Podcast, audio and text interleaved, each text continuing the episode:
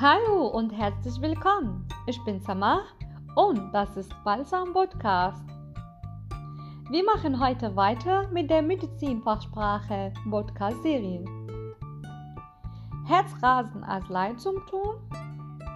Das war mein Fall bei meiner Fachsprachprüfung.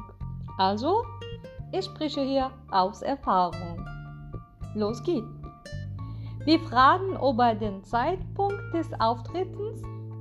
Seit wann haben Sie dieses Herzrasen bemerkt? Häufigkeit? Wie häufig haben Sie Ihre Beschwerden? Täglich? Wöchentlich? Alle ein bis zwei Wochen? Einmal im Monat oder seltener? Kontinuität. Wie lange halten das Herz die Beschwerden oder das Herzrasen an.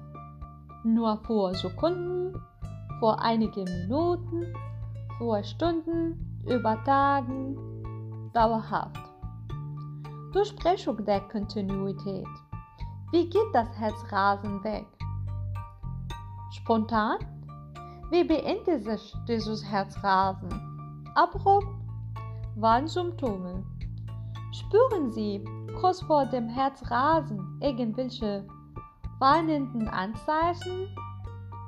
Zum Beispiel Atemnot, Schwitzen, Auslöser. Wann treten die Herzrhythmusstörung oder die Beschwerden oder das Herzrasen auf? In Ruhe, zum Beispiel abends vor dem Einschlafen oder unter Belastung. Gibt es etwas, das Ihre Symptome auslöst? Zum Beispiel Angst, Alkohol, Hitze, Bewegung, Aufstehen aus dem Legen oder Sitzen, Schmerzen oder langes Stehen. Wir können auch nach der Folge der Herzschläge fragen. Könnten Sie vielleicht mir sagen, wie die Folge der Herzschläge ist, regelmäßige Rhythmus mit Aussetzern oder Extraschlägen, Phasen von stark beschleunigtem, aber regelmäßigen Herzschlag, völlig unregelmäßiger Herzschlag, Begleitsymptome. Gibt es weitere Beschwerden, die zum Zeitpunkt des Herzrasens auftreten?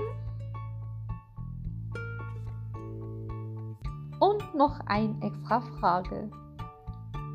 Wurde bei Ihnen schon Behandlungen des Herzens durchgeführt? Wir werden nicht auf die Vorerkrankung Anamnese warten. Ich finde es besser, direkt in der akuten Anamnese zu fragen, weil dieses Symptom als Folge einer Herzbehandlung sein kann. Zum Beispiel bei den Patienten mit Herzschrittmacher. Ich hoffe, es interessiert euch. Bis zum nächsten Podcast. Ciao.